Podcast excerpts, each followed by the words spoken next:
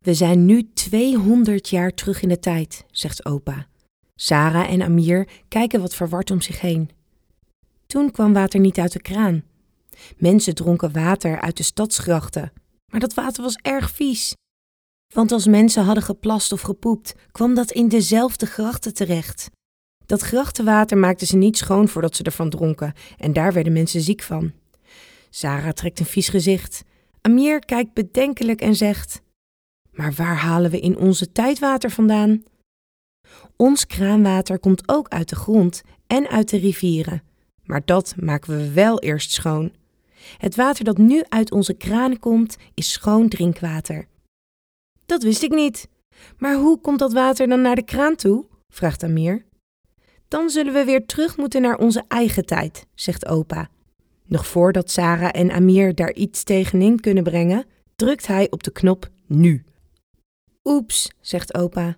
Ik dacht dat we weer bij ons thuis zouden uitkomen, maar zo te zien zijn we aan de andere kant van onze straat. Er valt nog wat te sleutelen aan de tijdbubbel. Kijk, de straat ligt hier helemaal open, zegt Sarah. Inderdaad, Sarah. Vraag jij eens aan die meneer wat hij aan het doen is, zegt opa. De man heeft zweetdruppeltjes op zijn voorhoofd en kijkt wat moeilijk. Ik ben Mario, monteur bij het drinkwaterbedrijf. Er is hier een leidingstuk en die ben ik aan het repareren, zegt Mario de monteur. Een leiding? vraagt Amir. De monteur antwoordt: Ja, een waterleiding. Waterleidingen zijn buizen waar water doorheen stroomt. Dat water gaat van het drinkbedrijf naar de huizen, waaronder naar die van jou.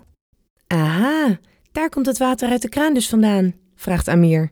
Ja, zegt de monteur, en in jouw huis vind je ook weer allemaal leidingen. Die brengen het water naar de kraan in de keuken en de badkamer.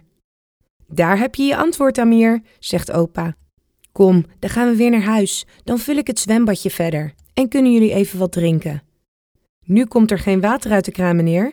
Ik hoop dat ik over een half uur klaar ben, zegt de monteur. Dat is ook zo, zegt opa.